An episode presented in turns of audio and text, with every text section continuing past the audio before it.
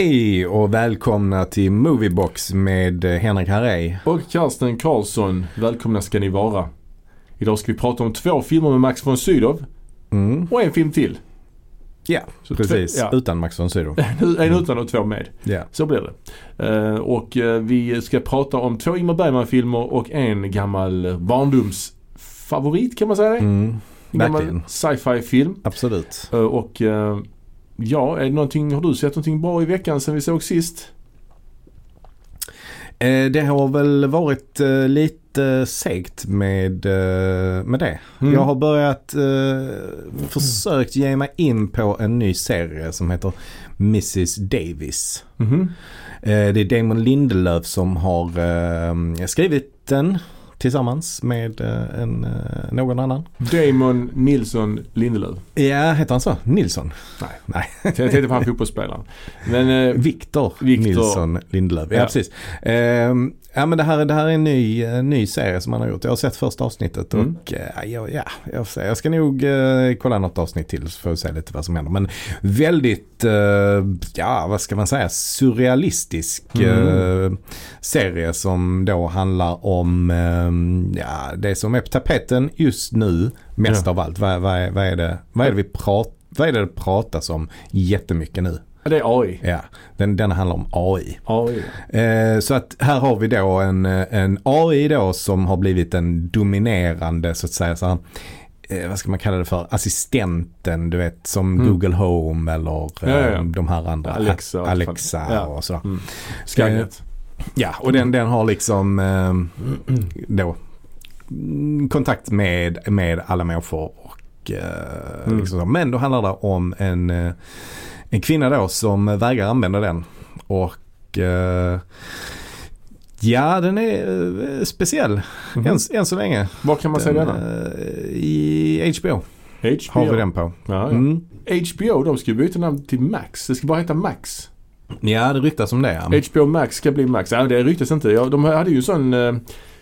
Eh, hade var det ett event de hade. De visade lite trailers för kommande grejer. Mm. Och då var det bland annat eh, att eh, just att det ska heta Max. Varje trailer avslutades med Max. Jaha, okej. Så det är eh, bestämt nu då att det är så det blir. Ja, det verkar så. Men Ja. kan det heta det i Sverige? För här har vi ju Max är ju hamburgerkedja här i Sverige. Mm. Mm. Vi har haft tidigare sådana namnfadäser. Till exempel affären Tiger.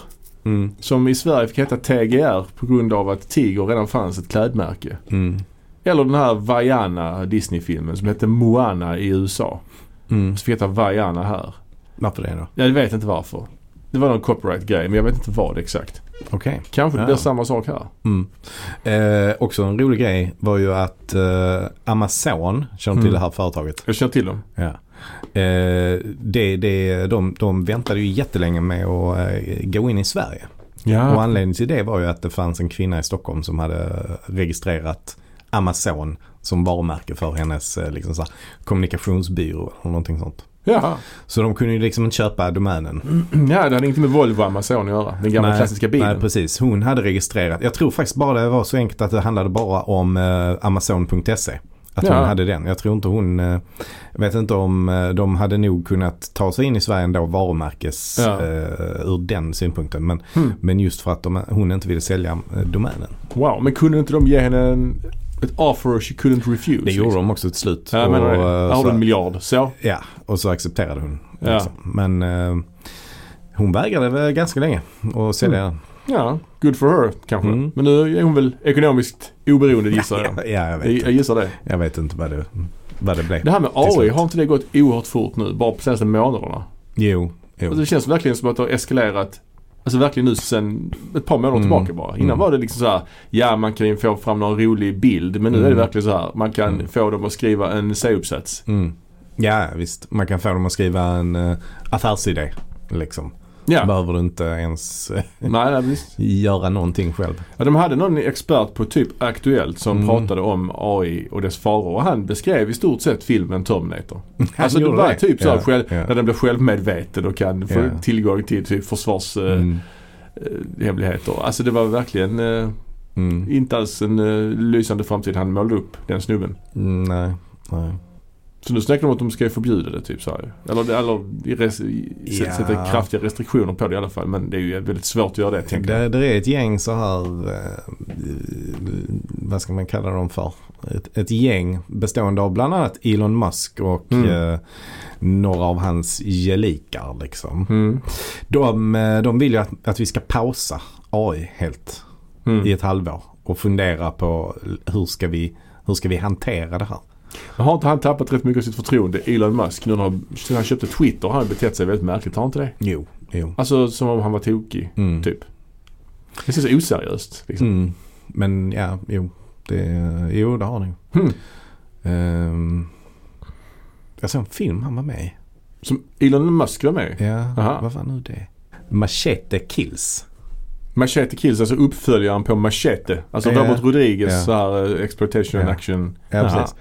Och jag vet egentligen inte heller riktigt varför jag såg den. Men den, den fanns på Viaplay. Och så uh, började jag kolla på den. Jag trodde, trodde faktiskt att det var första Machete för jag har inte sett den. Nej. Sen upptäckte jag att ah, men det här är ju en, eh, en Är uppföljare. inte Steven Seagal med den också? Eller han är med i ettan kanske? Eh, ja, han var nog inte med i denna. Jag tror han är med i ettan. Men denna var ju väldigt stjärnspäckad. Jaha. Uh, Mel Gibson är med till exempel. Mm. Det är också eh, roligt att det är rätt mycket sådana personer som är persona non grata som var med i den. Mel Gibson då till exempel. Ja. Han kanske inte är det längre. Han kanske inte är kanslad längre. Alltså han gör bara B-filmer nu tror jag. Alltså så här riktiga skitfilmer. Ja, ja. Ja. Eh, även då eh, hon som var Johnny Depps fru.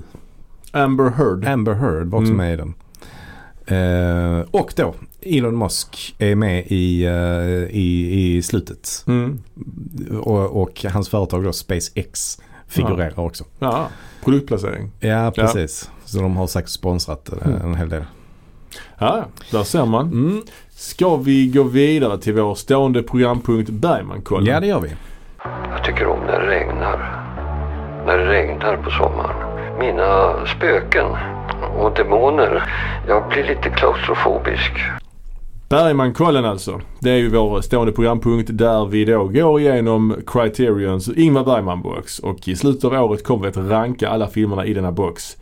Eh, göra en stor, stor Bergman-topplista. Och eh, nu är vi ju i eh, Centerpiece 1 som det heter i boxen. Det här mittenpartiet av boxen där det är fina grejer. Det är som en slags filmfestival ju. Mm. De har lagt upp det här nu. Och det- vi ska prata om två filmer här nu. Och den första vi ska prata om är ju en film som heter Ur marionetternas liv från 1980. Och det är väl kanske, är det den största anomalin i hans filmografi? Bergmans. Eh, Alltså än så länge är det ju definitivt det. Men vi får väl se. Vad, det, det kommer ju några andra anomalier också ju. Så, Ja, det gör det kanske. Ja, alltså vi, vi får se. Ja. Vi får se lite. Ja, men jag tänker ju, det är ett par faktorer här som gör att den sticker ut ju. Ja, För det första är den ju på tyska. ja precis. Den är ju inspelad i Tyskland. Det är väl egentligen bara det skulle jag säga. Nej, det är ett par grejer till jag Ja, på. Men Och jag ska ju faktiskt också säga att jag har inte hunnit se hela den här för att jag eh, kände mig inte helt eh, superpeppad på idén att eh, kolla på den. Eller rättare sagt, jag började kolla på den men eh, jag hade svårt att kolla liksom i mer än 10 minuters sjok Mm, på mm. den. Så att jag kanske har sett eh, cirka en halvtimme. Det här säger en hel del om slutbetyget för den här filmen. Ja, ja precis. För dig. Eh, Den är gjord för tysk TV. Ja, Så det är ju en TV-film detta. Ja, Och den gjorde han ju, han var ju i exil, Bergman. ja, För han blev precis. tagen av polisen här i Sverige för någon slags skattebrott. ja. Som han blev anklagad för. Och då lämnade han Sverige. Mm. Och eh, under sina exilår så spelade han in ett par eh, filmer, bland annat denna då ju. Mm. Och eh, denna kom 1980. Ja, det som sticker ut som sagt är dels att den är tyskspråkig. Det är tyska skådisar, de pratar tyska. Robert Atzorn, Heinz Bennett och så vidare. Tony Berger är det som heter. Mm. Eh, Men en annan sak som sticker ut är ju att den innehåller ju alltså popmusik och klubbmusik och sånt. Ja, eh, Det är ju det, sjukt det, jag har nog inte kommit så långt. Ja men där är någon grej i början. Där är det i början. Filmen ja, börjar för övrigt okej. i färg och sen går den över till svartvitt. Jag läste någonstans att den inleddes i färg bara för att inte liksom tv-tittarna skulle byta kanal. För att svartvitt är ju liksom Ja. jobbigt sådär. Men den innehåller liksom, eh, de är ju på någon strippklubb, någon sexklubb och där är ju modern så här Mm. Mm. liksom eurotechno typ. Mm. Och det är någon låt med elgitarr. Det känns bara så konstigt att se liksom en film by Ingmar Bergman och så sån musik till. Det Ja, stick- det känns inte Bergmans. Nej det gör det inte. Det sticker ut som satan. Ja. Eh, och Och sen är det ju som jag förstår mig i alla fall, som jag förstår det så är det ju en eh, slags eh, spin-off på Scener ur ett äktenskap.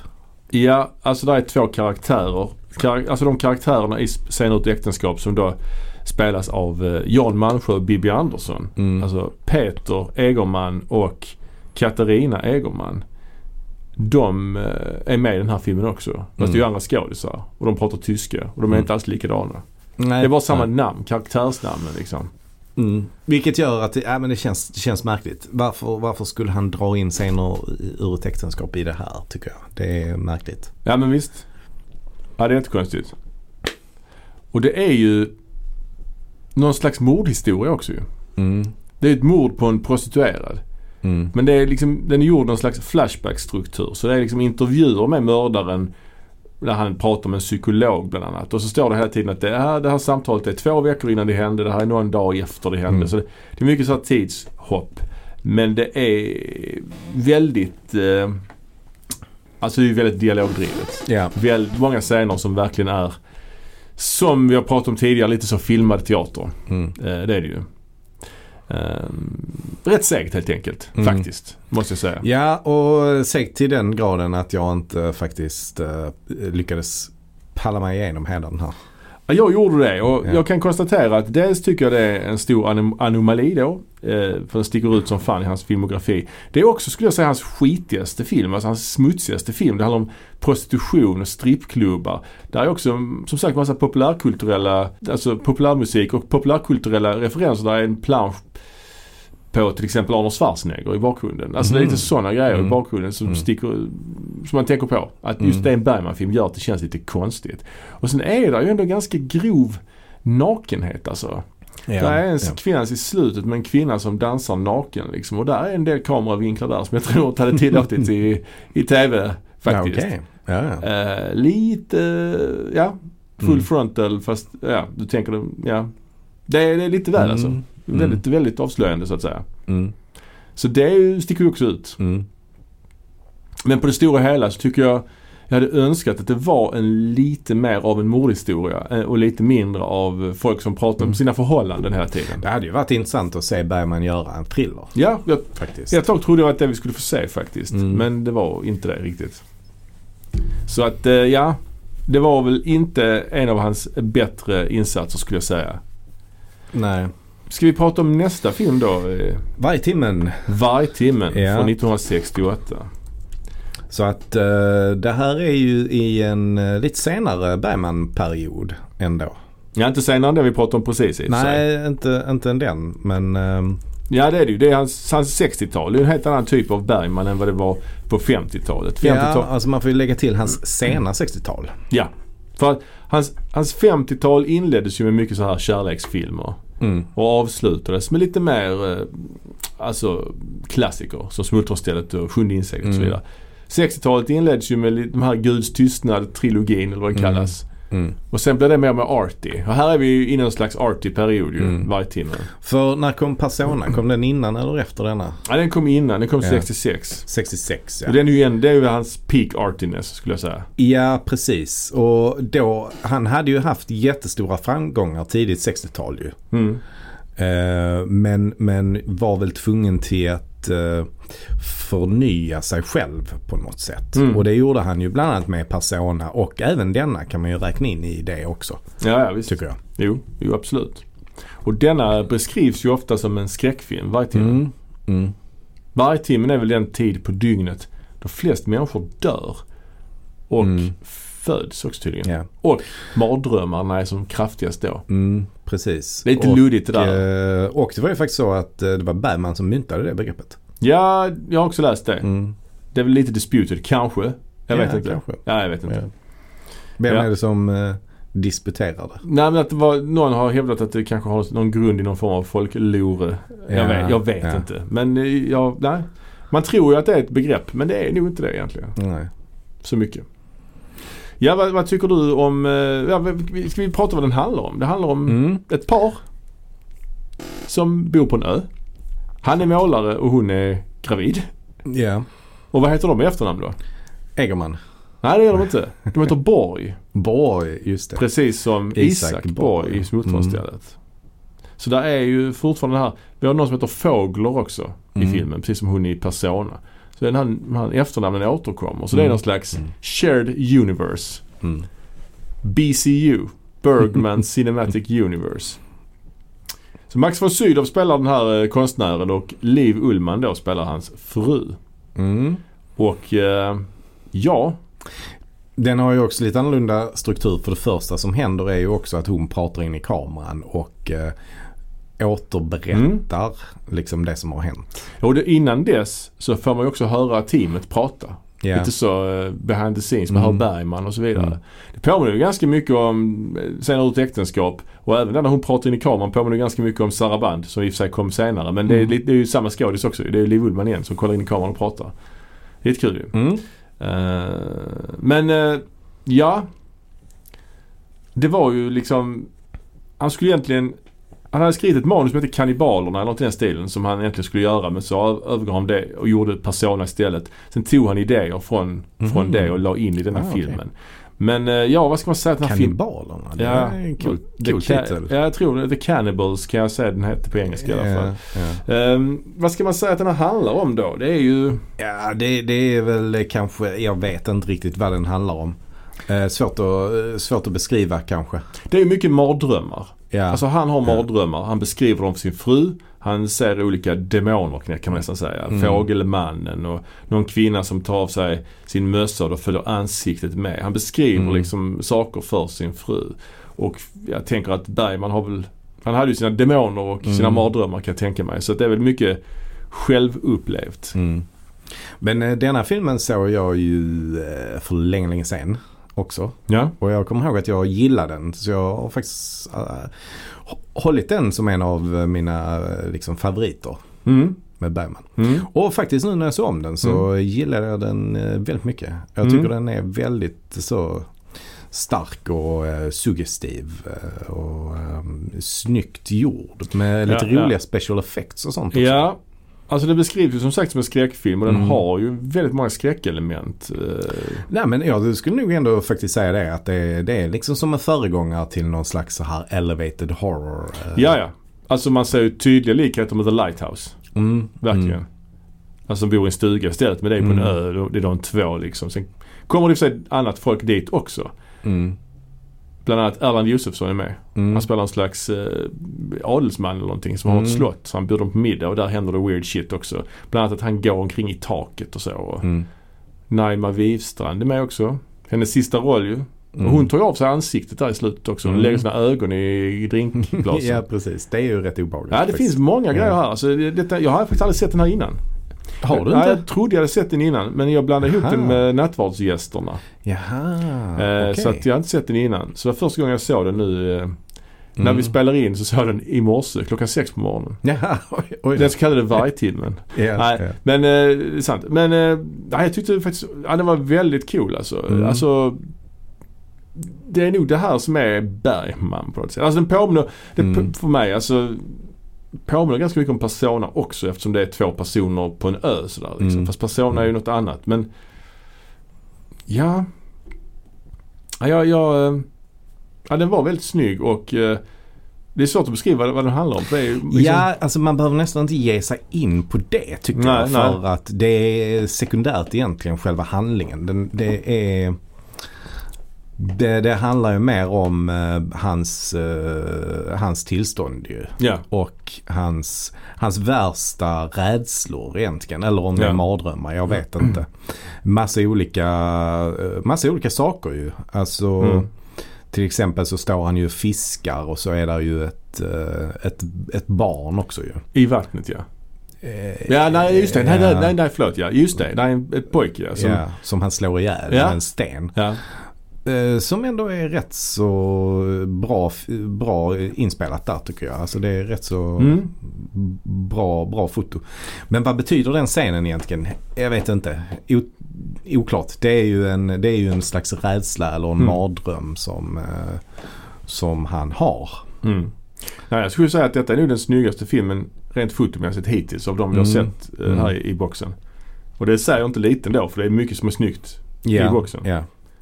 Ehm, Fast av det vi har sett än så länge så, ja men det är väl eh, Smultronstället också. Den Mm. Ja. tycker jag också är snygg. det är de två. Ja. Men här är det mer spännande grejer för här är det mer Mm. surrealistiskt. Mm.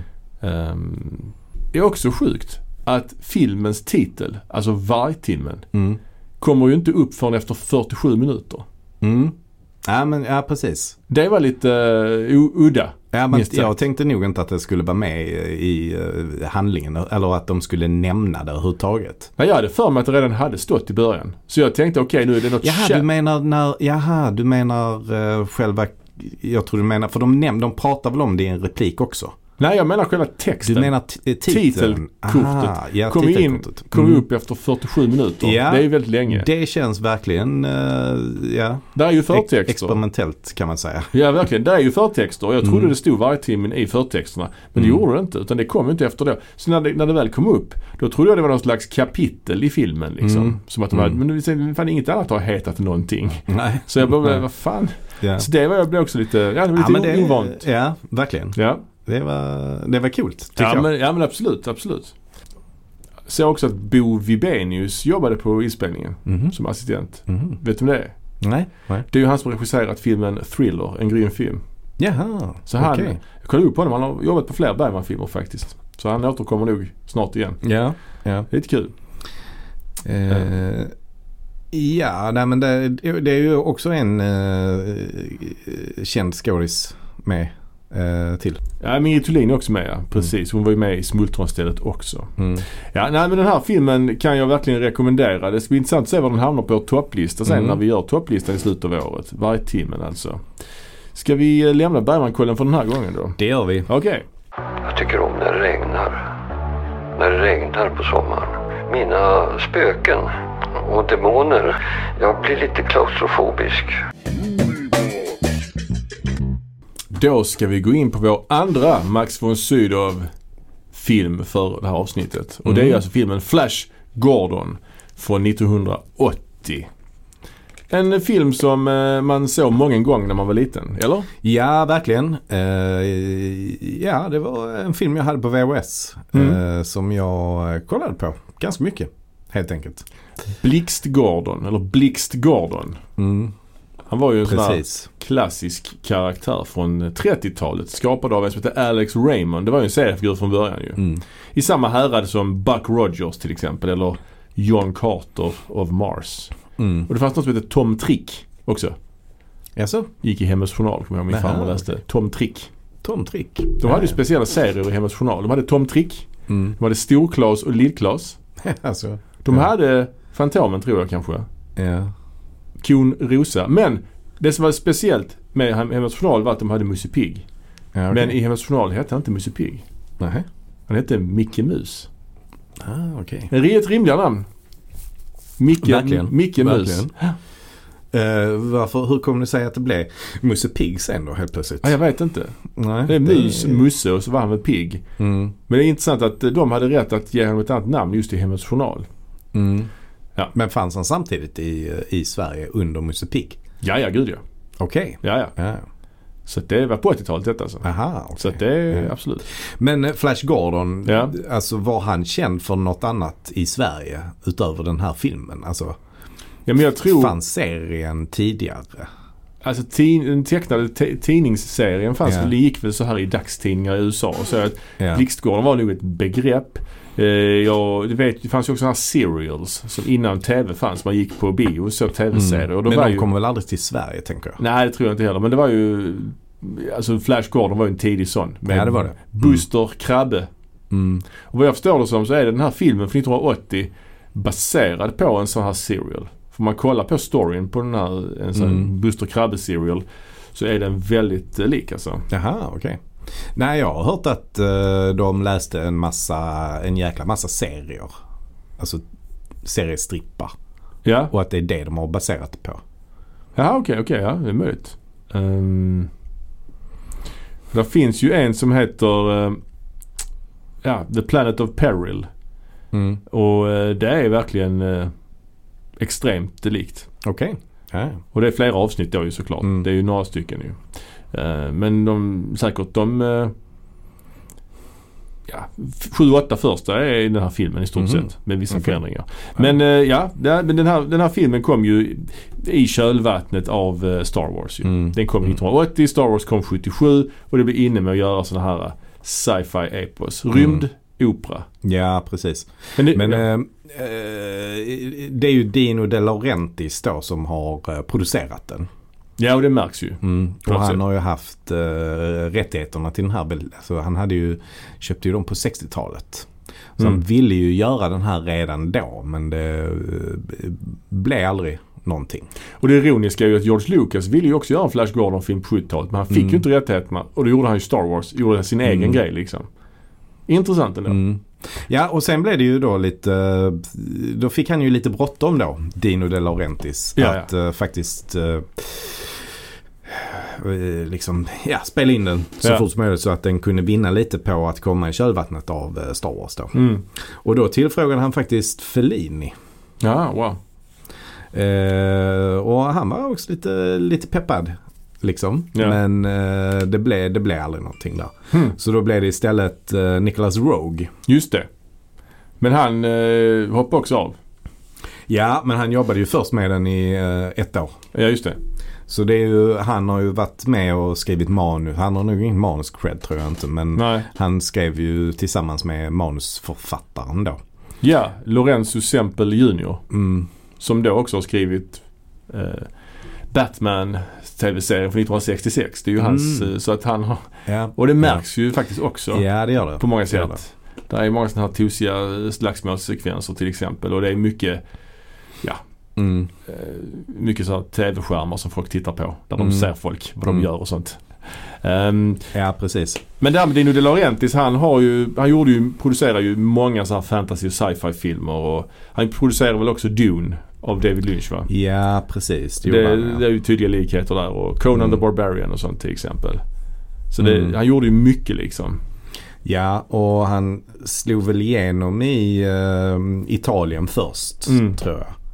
Eh, alltså han har ju hållit på med, ja men eh, Fellini och Ja, eh, Rossellini-filmer också. ja. Ehm, Ja. Det är ju eh, en, eh, kanske inte en all-star cast i den här filmen dock. nej, det kan man ju verkligen inte säga att det är egentligen. Huvudrollen spelas ju av Sam J. Jones.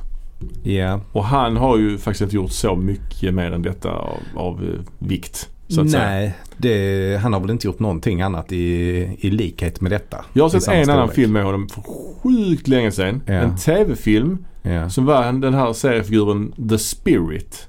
Jaha, Där han spelade The Spirit. Mhm, Jag försökte kolla upp den. den. Den filmen hade inte ens någon länk, någon sida på Wikipedia. Okej. Så säger en hel del om hur obskyr Ja, den filmen är. ja. Men han var väl någon slags, han var inte en amerikansk fotbollsspelare? Jo, typ. det så har jag fattat det. Och vad förstod det som någon slags playgirl centerfold. Ja, precis. Precis. Så det är ju intressant ju. Ja. Ehm, Och sen har vi ju då Melody Anderson som är den kvinnliga huvudrollen Dale Arden. mm. Och hon har vi pratat om tidigare ju. Har vi det? Ja. Jaha. hon var ju med i den fantastiska äventyrsfilmen Firewalker. Ah, okej. ja, ja. Så hon eh, har varit med eh, där också. Så, eh, Hon Mm. har varit med i den här podden förr. Hon har ju dra- dratt sig tillbaks dock. Hon är ju inte skådis längre. Hon är ju numera någon slags social worker. ja, men just det. Jag såg någon sån här bakommaterial där de återförenades i eh, alltså roll, rollbesättningen och Mm. regissör och så vidare. Hon eh, såg väldigt ung ut fortfarande. På, Mm. alltså hon hade åldrats med värdighet men såg Mm. ändå väldigt liksom pigg och glad ut.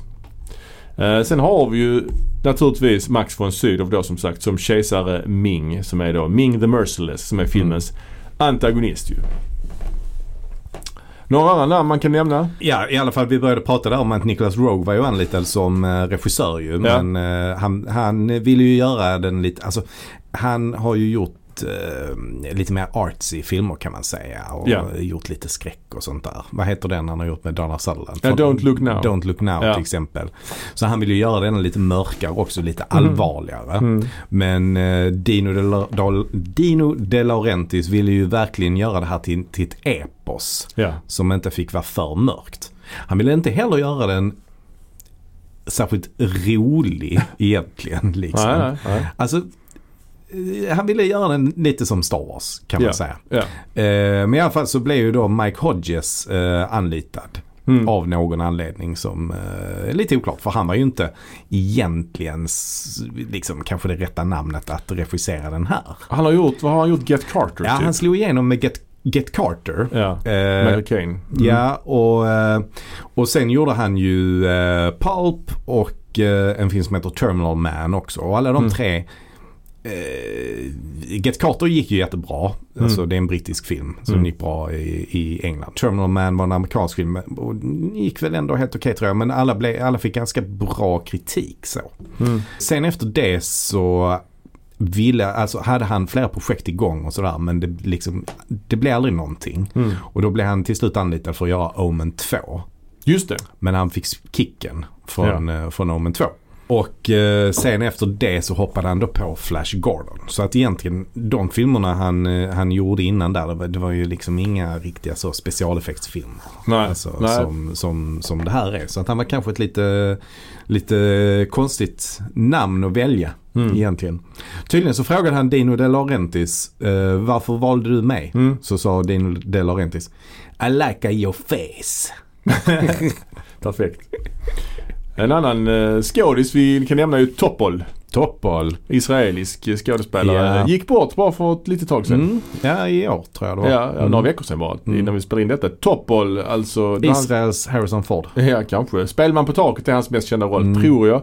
Men jag fascineras alltid av folk som har... Också ur dödlig synvinkel väl? Ja.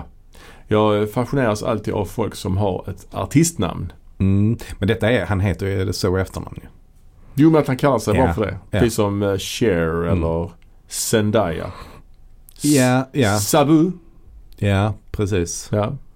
Ja, visst, absolut. Det men, men han heter ju ändå Toppol ju så att det, det är inte riktigt som Cher väl? Eller vad heter hon? Cher, hon heter nog Sherilyn. Sherilyn. Ja, jag vet inte. Ja. Men, men det är ändå i alla Det fall... är som att du skulle kallas för Carlson. Ja, precis. Det, The det, Brothers. Finns det inte lite olika sådana? jo, det finns det ju. Och så finns det ju Duffer eh, Brothers. The Wachowski Siblings. Ja, men det är inte lika vanligt. Det är vanligt inom musiken. Cher är skådis också. Mm. Men det är inte lika vanligt inom skådespeleri och, och så Nej. att man bara har ett namn. Liksom. Nej. Det är det I film är det ju. Eller i musik är det ju. I musik är det vanligt ja. Men inte i, Madonna. ja. Men inte, i film är det väldigt ovanligt ju. Eh, men ja, sen har vi också Timothy Dalton, en framtida James Ja, Bond ju, precis. i en roll. Så vi har två eh, James Bond-kopplingar. Tre om man räknar Max von Sydow. Var inte han med i. Never Say Never Again? Jo, precis. Det, det stämmer. Ja. Ja.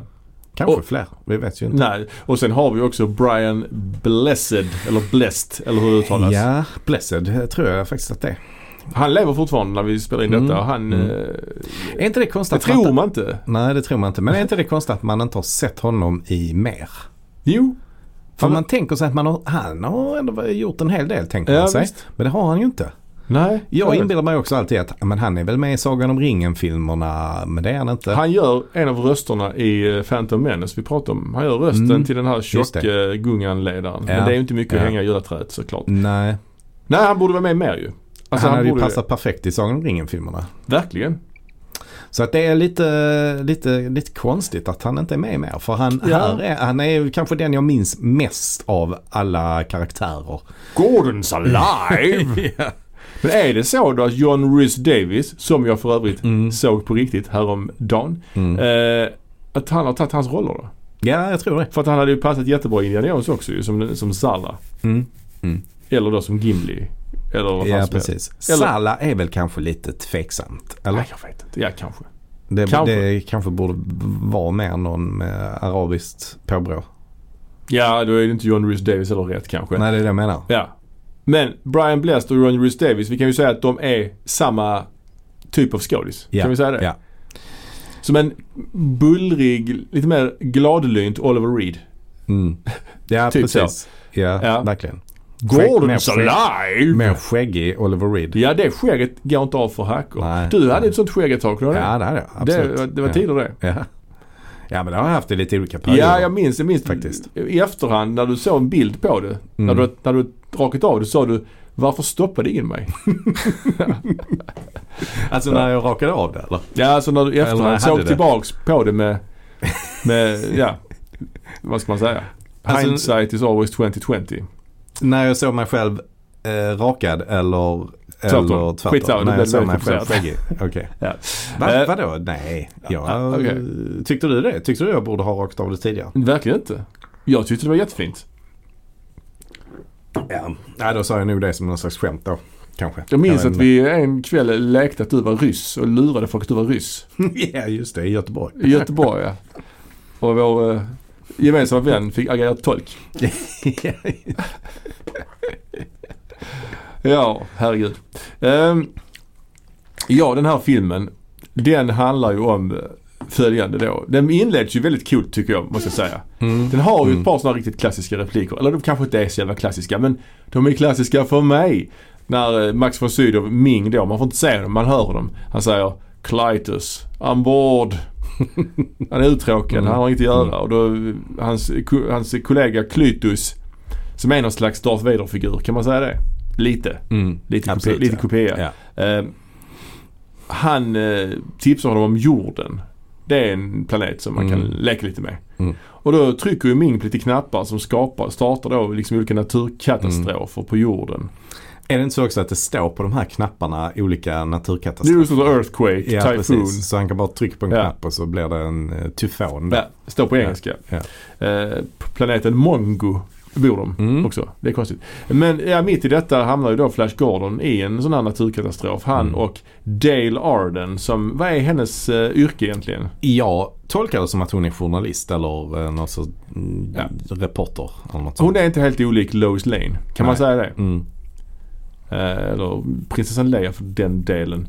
Eh, och de hamnar, de åker flyg tillsammans. Flash Gordon är någon slags quarterback för the New York Jets säger han. Mm. Och de hamnar, deras plan eh, störtar helt enkelt. Utanför eh, Hans Sarkovs laboratorium. Ja, Väldigt, precis. väldigt, väldigt snygga miniatyrer Mm. måste jag säga. Med flygplan som störtar och allt det där. Det är väldigt snyggt. Det Mm. som inte är snyggt i den här filmen Mm. det är ju de här green screen effekterna. Kompositeffekterna. Det är Mm. så stor tjock kant runt varenda. Ja, precis. Jag skulle säga att det ligger filmen i fatet. Alltså hade de varit lite bättre så tror jag den här filmen hade känts mycket bättre. Mm. På något ja, sätt, Ja, men absolut. Absolut. Men jag, jag tycker att eh, all eh, production design är väldigt snygg. Ja, Eh, till exempel då eh, rymdskeppen som de åker i. De är Ja. ju så här lite eh, art deco-inspirerade. Ja. Samtidigt som det också är lite blandat med lite mer futuristiska grejer. mm. Och också en hel del så psykedeliskt när de är, åker i rymden ja, ja, till exempel. Ja, De åker in i det de kallar för The Imperial Vortex. just det. För att komma till eh, planeten Mongo. Heter, heter planeten Mongo? ja jag fattar. Eller Mingo? Ja, Mongo. Mongo. Ja. The People of Mongo, just det, så säger de. Ja. Eh, nej men då åker de ju in i något slags kan det, är det någon slags maskhål de åker in i? Wormhole? ja, det kan vara. Ja, Det, jag vet de snackar om The Sea of Fire också vid något tillfälle. Ja. Men mycket. den här grejen de åker in i kallar de i alla fall The Imperial Vortex. Ja. Och den ser cool ut. Ja. Det, det har de ju spelat in genom att alltså, eh, droppa ner färg Ja, i, i ja. vatten. Så det ser väldigt, eh, det ser väldigt coolt ut eh, tycker jag. Eh, och sen är det ju också väldigt, väldigt färggrant. Alla kostymer och allting sånt. Det är ju extremt mycket färg. Ja, och guld. Mm, guld framförallt ja. Och det är ju jävligt coola förtexter också. Mm. Med eh, soundtracket är gjort av Queen.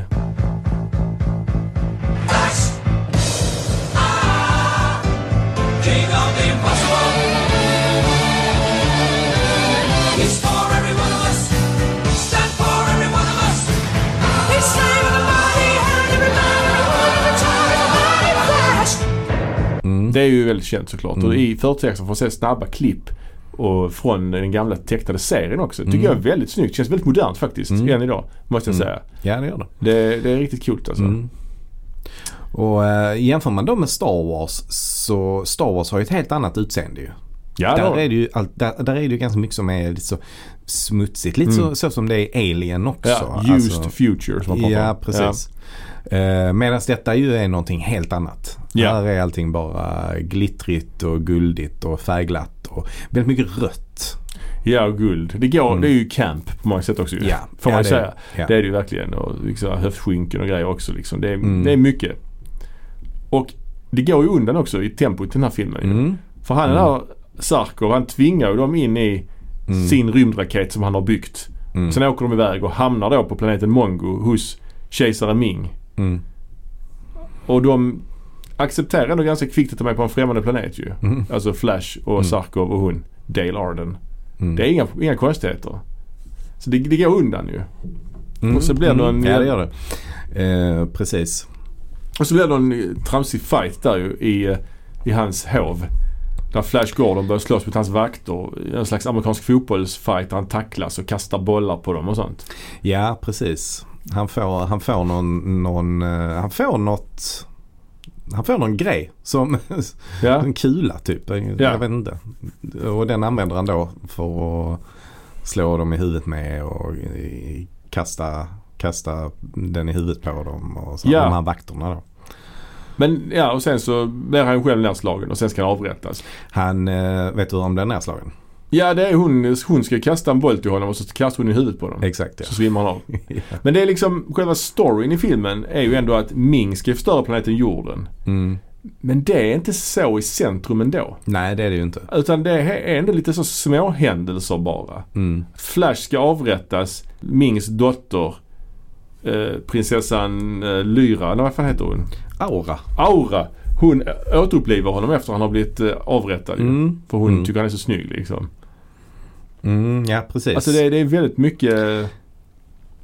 Ja, ja. Ehm, och sen, det är ju då de här två andra då. Prins Voltan och uh, Prins Barin. Ja. Som, eh, och sen är det också ytterligare en till, eh, ett, ett folkslag till tror jag. Ja. Ehm, och eh, de, de är ju eh, undergivna Ming. Ja.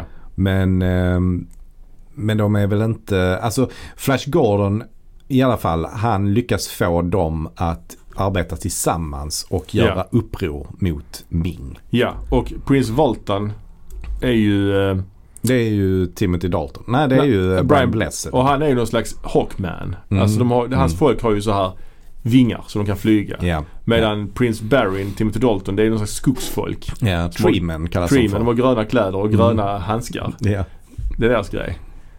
Och sen är det lite andra folk också. Men det, det, mm, jag kan tycka det är rätt trevligt alltså. Mm. Jag, de, de Mm. gör ju inte sådana här filmer längre där liksom stora studiobyggen. Nej. deras träplaneten där och eh, ja.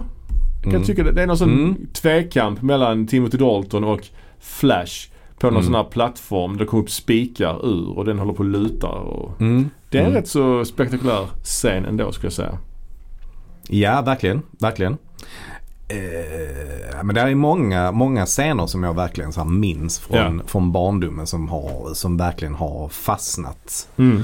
Eh, tvekampen där mellan Flash och Barin det är ju när de är på Hawkmännens eh, stad eller Ja, vad ja, det deras ja. rymdskepp. Just det. Eh, så att den, det är liksom en rund platta som en disk och så kommer det upp spikar från golvet samtidigt Mm. som den rör sig. Och så slåss de emot varandra. Med piskor. Med piskor. Ja. det är ju ball. Ja, det är faktiskt ball. Sen är det ju också att kejsare Ming blev lite betuttad i eh, Dale ju, så han vill gifta sig med henne ju. Mm. Mm. Ehm, och ehm, Flash eh, ska ju försöka stoppa det också då ju. Mm. Deras kärlekshistoria, Flash och Dales, är ju ganska underutvecklad. Kan man ju säga. Ja, den, den, eh, jag fattar inte riktigt vad som händer men helt plötsligt bara älskar hon honom ju. Ja, de har träffats nyligen ju, precis ju. De Ja. träffades på planet. Ja. Eh, Så att den, den, den har man ju lite svårt att köpa. Ja, Men det roliga var att det var inget jag re- reagerade på alls när jag var barn. Nej, jag reagerar bara på... köpte det med hull Ja, hår. jag, köp, jag reagerar inte på någonting. Alltså, för jag menar storyn i sig är ju ändå att Ming lägger oproportionerligt mycket tid på att stoppa Flash. Mm. Han är ju rätt oviktig egentligen men han eh, blev väldigt central helt plötsligt Mm. för allt. Mm. Liksom. Ja, ja. Ehm, men det händer ju mycket i filmen. Det är ju ett Mm. jäkla tempo. Dale hon klär ut sig och flyr ifrån uh, Ming där också. Hon gör volter Mm. och skjuter folk Mm. och de här vakterna är ju riktigt kassa. Det är ju som stormtroopers fast ännu sämre nästan. Mm. Ännu sämre. Mm, Ja. ja. Nej, de, är, de är faktiskt rätt så dåliga. Ehm, Sen är det ju liksom mycket random grejer som känns väldigt så här. Det, det är ju märks att det är han som har gjort Batman-tv-serien som har skrivit det. Dels är det ju liksom att Mm. de kan se på tv-skärmar var Flash är och då ser de filmat Mm. liksom. Som har kameror överallt i perfekta vinklar. Och där är en sekvens också när Flash snor ett skepp och ska flyga till Mings stad. mm. Så eh, sätter han på klock, en klocka i, i skeppet. Där det räknar ner hur många timmar det är kvar innan månen slår Mm. ner på jorden. Mm. Att han bara kan trycka på en knapp och få upp den tidsräkningen där. Hur, vem, Mm. vem baserar, varifrån kommer den tidsräkningen? Nej, Det är väldigt konstigt också. Ja. En annan gre- grej jag reagerar på är att bröllopet mellan Ming och Dale, de har ju samma bröllopsmarsch som vi har här på jorden. Du, Just det. Du, du, du, Just det. Fast med Mm. någon slags elgitarr eller något sånt. Ja. Det var också lite kul. Ja. Det är Ja. lite kul ändå. ja, men absolut. Ja. Och han, eh, men jag, jag vet inte, jag tycker det är ju en film som man verkligen kan bara, det är en matinéfilm detta. Ja, definitivt. Alltså verkligen. Den blev ju inte så stor hit tyvärr. Så, framförallt inte i USA gick det inte så jävla bra. Nej, och anledningen till det var ju eh, det här att eh, det, det skar sig ju mellan Dino De Laurentiis och han som spelar huvudrollen, Sam J. Jones. Ja. Han, eh, ja de, de råkade väl i luven på varandra. Detta var ju hans första stora film och han fick väl ganska dålig rådgivning av sin agent och sitt team också tror jag. Mm. Eh, han ville ha mer betalt. Alltså han var lite primadonna Mm. eh, tror jag. Mm. Ehm, och ehm, de tog ett eh, break för julen och då var liksom det mesta inspelat redan. Mm. Så då åkte han hem till USA och sen så skulle de tillbaka igen spela in lite fler scener. Eh, plus att de skulle väl dubba filmen också, eller han skulle göra voiceover-arbete. Mm. Eh, men han sket i att komma tillbaka Ja, ja. helt enkelt. Mm. Så att eh, därför så fick man ju dubba med en annan skådespelare. ja. Så att inget, inget av, eh, av, av det som sägs är ju Sam J. Jones som säger. Inget. Nej, eller det vet jag inte men Nej, jag, jag tror, vet. tror det mesta är dubbat. Alltså. Ja, det är säkert. Och eh, dessutom så planerade man ju också att det skulle komma fler filmer. Ja, ja. Men eh, det skulle bli svårt liksom att byta ut eh, Flash Gordon. Så att Mm. eh, det i kombination med att det gick rätt så, filmen gick rätt så dåligt gjorde att man inte valde att göra fler filmer. Mm. Och sen så ska man ju också säga det att eh, det var ju också inplanerat att göra en stor marknadsföringskampanj. Mm. Där då Sam J. Jones, och han hade ju varit jättebra på det. Och liksom åka runt och vara med i massa sådana här eh, tv-soffor och bli Mm. intervjuade på late night shows och sånt. Ja, ja. Men det blev ju ingenting sånt eftersom eh, ja, han och Dino De Laurentiis pratade ju inte med varandra. Så, Nej, det är problematiskt. så ja, så tråkigt, eh, tråkigt slut på det Mm. får man säga. Och eh, ja, ganska, ganska dumt faktiskt av Sam J. Jones får Ja, man säga. man säga. Där skulle han bara så svalt sin stolthet Ja, oh och det var väl lite så han tyckte väl också att han skulle få mer pengar kanske. Mm. Ehm, Också tråkigt slut på filmen kan jag tycka. Alltså han kör det skeppet rakt in i Mm. bröllopsceremonin Mm. och spetsar Ming på Ja. den här spetsen Mm. som är längst fram på skeppet. Så det blir liksom ingen riktig slutfight. nej, nej. Och sen försvinner bara Ming. Han ska Mm. använda en sån kraftring men då försvinner han. Mm, Så ligger ringen kvar. mm. Och så kommer det en hand från ingenstans och tar ringen. Jag ställer the end? Frågetecken. Ja, och där ja. fick jag någon förklaring till att den där handen eventuellt skulle vara någon klon av han Klytus. Mhm. Klytus blir ju för övrigt också spetsad på den här plattformen. Mm, Det är också en scen man minns det från när man var Ja, liten. Att hans ja. ögon rann ut. ja, Det var lite Ja, äckligt faktiskt. ja, precis. Ehm, Ja, det var äckligt. för övrigt så nu när man ser den på Blu-ray så ser man ju Det är mycket krispare bild än vad det var när man var Mm. liten. Så när man ser han Clytus så ser man ju hans mun där inne liksom och hans ögon Mm. under Mm. masken. Det ser lite kackigt ut faktiskt. Ja. Han påminner lite om Dr. Doom, gör han inte det? Ja, verkligen, verkligen. Fast guld, ja precis. Verkligen. Ja, ja, ja, ja, den här filmen man kan, man kan se många Mm. gånger skulle jag säga. Ja, verkligen. Men den är det är en underutvecklad värld. Jag tycker till exempel Toppols karaktär är rätt överflödig. Han behövs ju knappt i filmen. Nej, nej. Ehm, och eh, ja, man hade velat se mer av världen. Fast jag funkar. hade saknat om inte Toppel var med.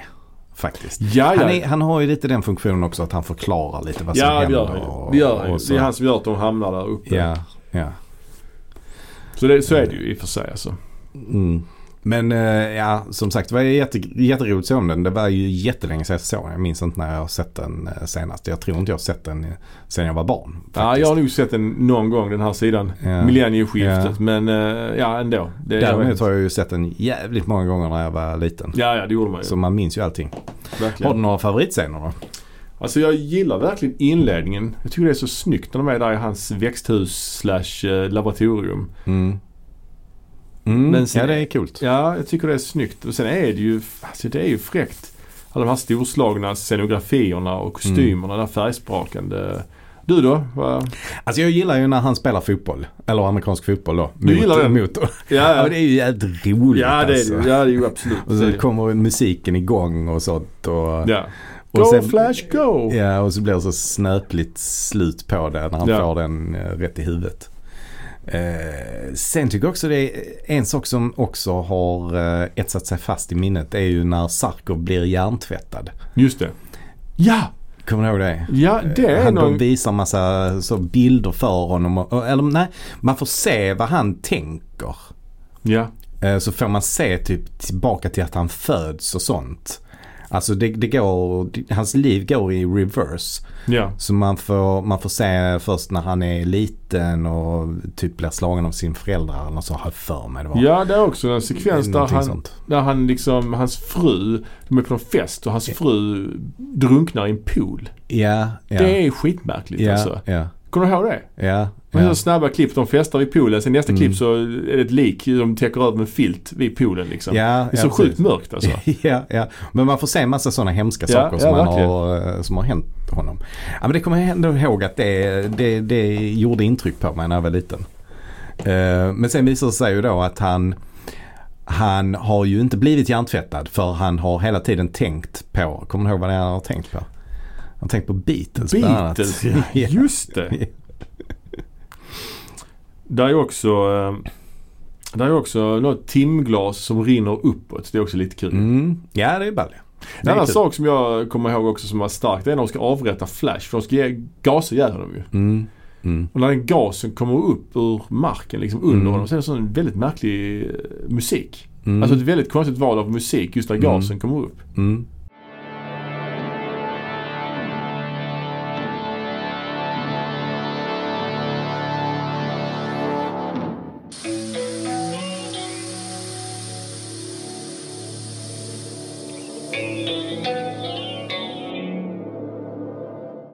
Det tyckte jag, det, det satte sig kvar. Det var liksom Mm. nästan liksom lite glad musik. Också när Flash Gordon är fångad och eh, han är där hos Ming och så har han på sig någon sån konstig hjälm Mm. i järn med sådana spikar på. Just det. Det kommer jag ihåg. Så Obehaglig hjälm. Ja, han är Jag tycker- fast spänd där ja. Han är ju, han är ju fångad ganska mycket. Han är även, för han flyr ju därifrån med hjälp av då prinsessan Aura. Mm. Eh, så ger ju hon honom nya kläder och sånt där. Mm.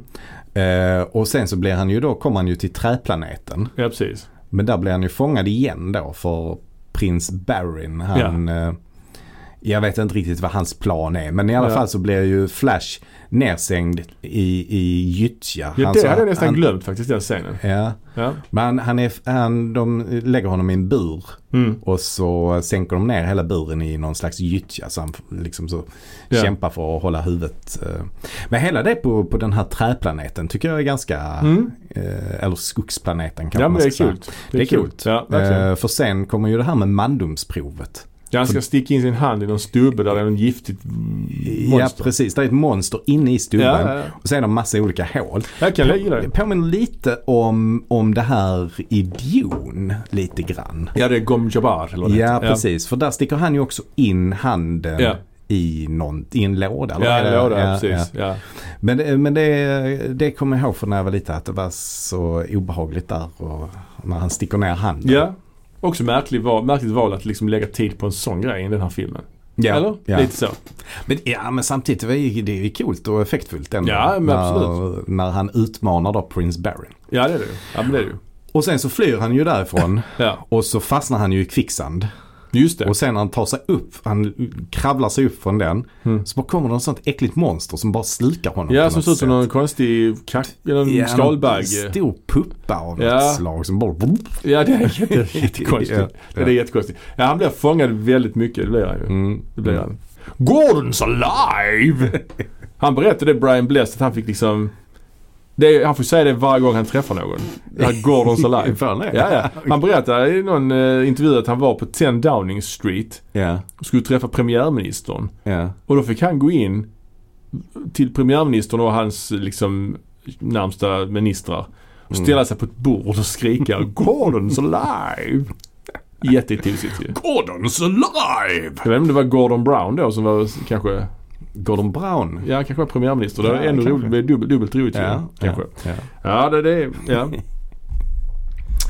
Pathetic Earthlings. Också klassiskt. Ja, verkligen. Ja.